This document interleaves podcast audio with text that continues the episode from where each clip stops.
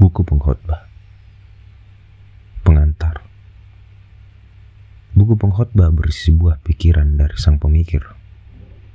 Ia merenungkan dalam-dalam betapa singkatnya hidup manusia ini, yang penuh pertentangan, ketidakadilan, dan hal-hal yang sulit dimengerti. Maka disimpulkannya bahwa hidup itu sia-sia. Ia tak dapat memahami tindakan Allah dalam menentukan nasib manusia.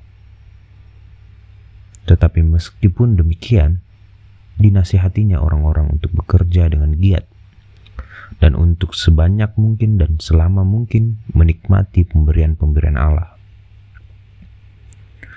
Kebanyakan dari buah pikiran sang pemikir itu bernada sumbang, bahkan putus asa.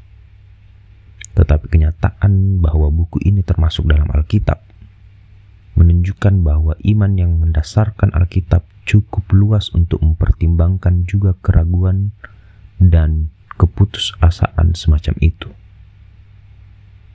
Banyak orang yang telah membaca buku ini merasa terhibur karena mereka seolah-olah melihat sifat-sifat mereka berdiri di dalam buku pengkhotbah ini.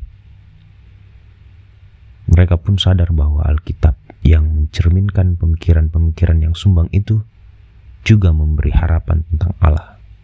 Harapan yang memberi arti kehidupan yang sebenarnya.